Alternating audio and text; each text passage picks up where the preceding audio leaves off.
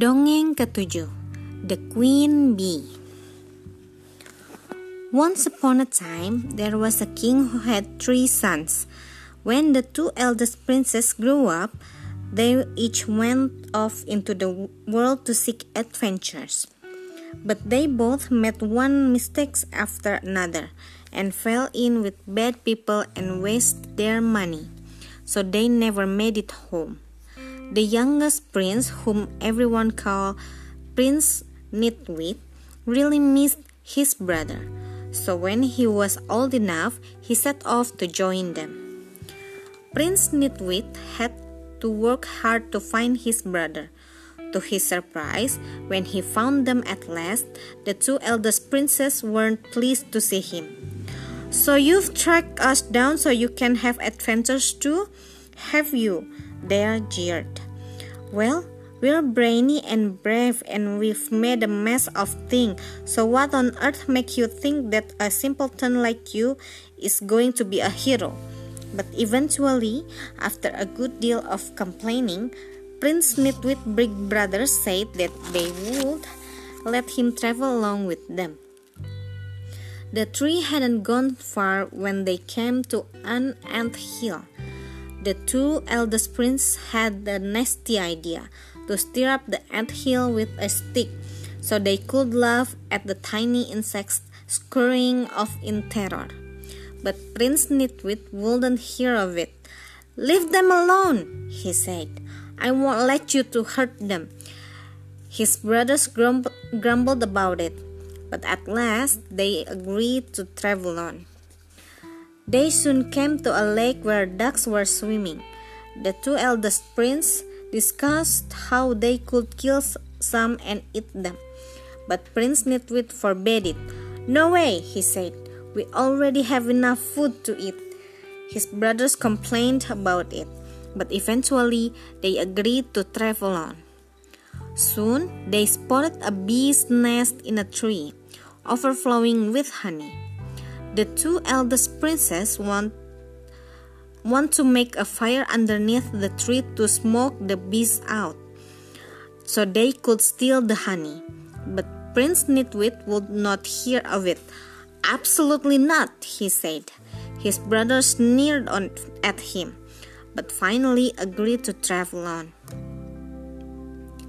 One morning, the three princes came to a towering castle but they were but there no sign of any people or animals anywhere. They crossed the silent drawbridge and passed the stables, all, all total, totally bare. Nervously, the prince entered the keep. Every room was furnished, just as if people were, were living there, but there wasn't a soul inside. Through empty room after empty room, the prince crept until they wandered into a huge hall where there was a stone table. The prince saw that there was some unusual writing on it. Prince Nitwit realized what it was at once. It's instructing telling it's instruct instructions telling us how to release this castle from its enchantment, he gasped, and he read aloud to his brothers what they had to do, for they weren't as good as reading as he was. In the wood under some moss lie 1000 pearls belonging to a princess. Find them by sunset, but if even one is missing, you will be turned into stone. Next, pa. That sound easy enough, inter- inter- interrupted by the eldest prince. Leave it to me, he set off into the wood. But though he searched high and low all day, at the end of it he had found only 100 pearls. At sunset, the last sunbeam soaked into the land and he was turned into stone. The second brother was determined to prove that he was braver, brainier, and better than the eldest. The next day, he set off into the forest to take his turn. But alas, he did only slightly better. By sunset, he had found just 200 of the gleaming pearls, and he too was turned to stone. Poor Prince Nitwit was on his own again once more. On the morning of the third day, he set out to complete the task that his brothers had failed at. But he felt so miserable about his brothers that he hadn't found many pearls at all before he sat down and began to weep. Suddenly, march, march, march, up came the king of the ant hill that Prince Nitwit had saved. With 5,000 ant soldiers, it wasn't long at all before the little insect had collected all 1,000 of the pearls and put them in a heap.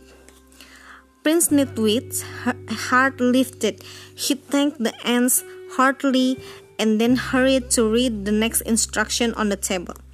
Fetch the key of the princess's sleeping chamber out of the lake. Prince Nitwit went and looked at the huge mirror-like expanse of water in dismay. He knew it would take him years to find the key hidden in the murky depths, but just then the two ducks whose lives he had saved came swimming up. They up tails and dived down to the bottom of the lake and came out, one carrying the lost key in its beak. Prince Nitwit was overjoyed and thanked the ducks heartily. Now, all he had to do was follow the final instruction, which he now read Close, uh, choose the youngest and loveliest of the three sleeping princes. But this was a truly impossible task. Prince Nitwit found the room where the three princesses lay sleeping, but they all looked equally beautiful, and each appeared to be as young as the other. As Prince Nitwit stood there, about to despair, the queen bee of the bee's nest that he had saved came buzzing along. The clever queen bee remembered that before he before the youngest princess had been enchanted, he had eaten a spoonful of honey. She landed on the lips of each princess one by one and hovered over the one where she tasted honey. And so it was that Prince Nitwit made the right choice and broke the spell. The three princesses woke up and the two stone statues in the wood were changed back into Prince Nitwit's brothers. Of course, Prince Nitwit married the youngest, loveliest princess and became king, and his brothers married the, the other two princesses. And that's how, thanks to the queen bee, Prince Nitwit became the hero of a truly amazing adventure. The end. Terima kasih sudah mendengarkan. Selamat malam.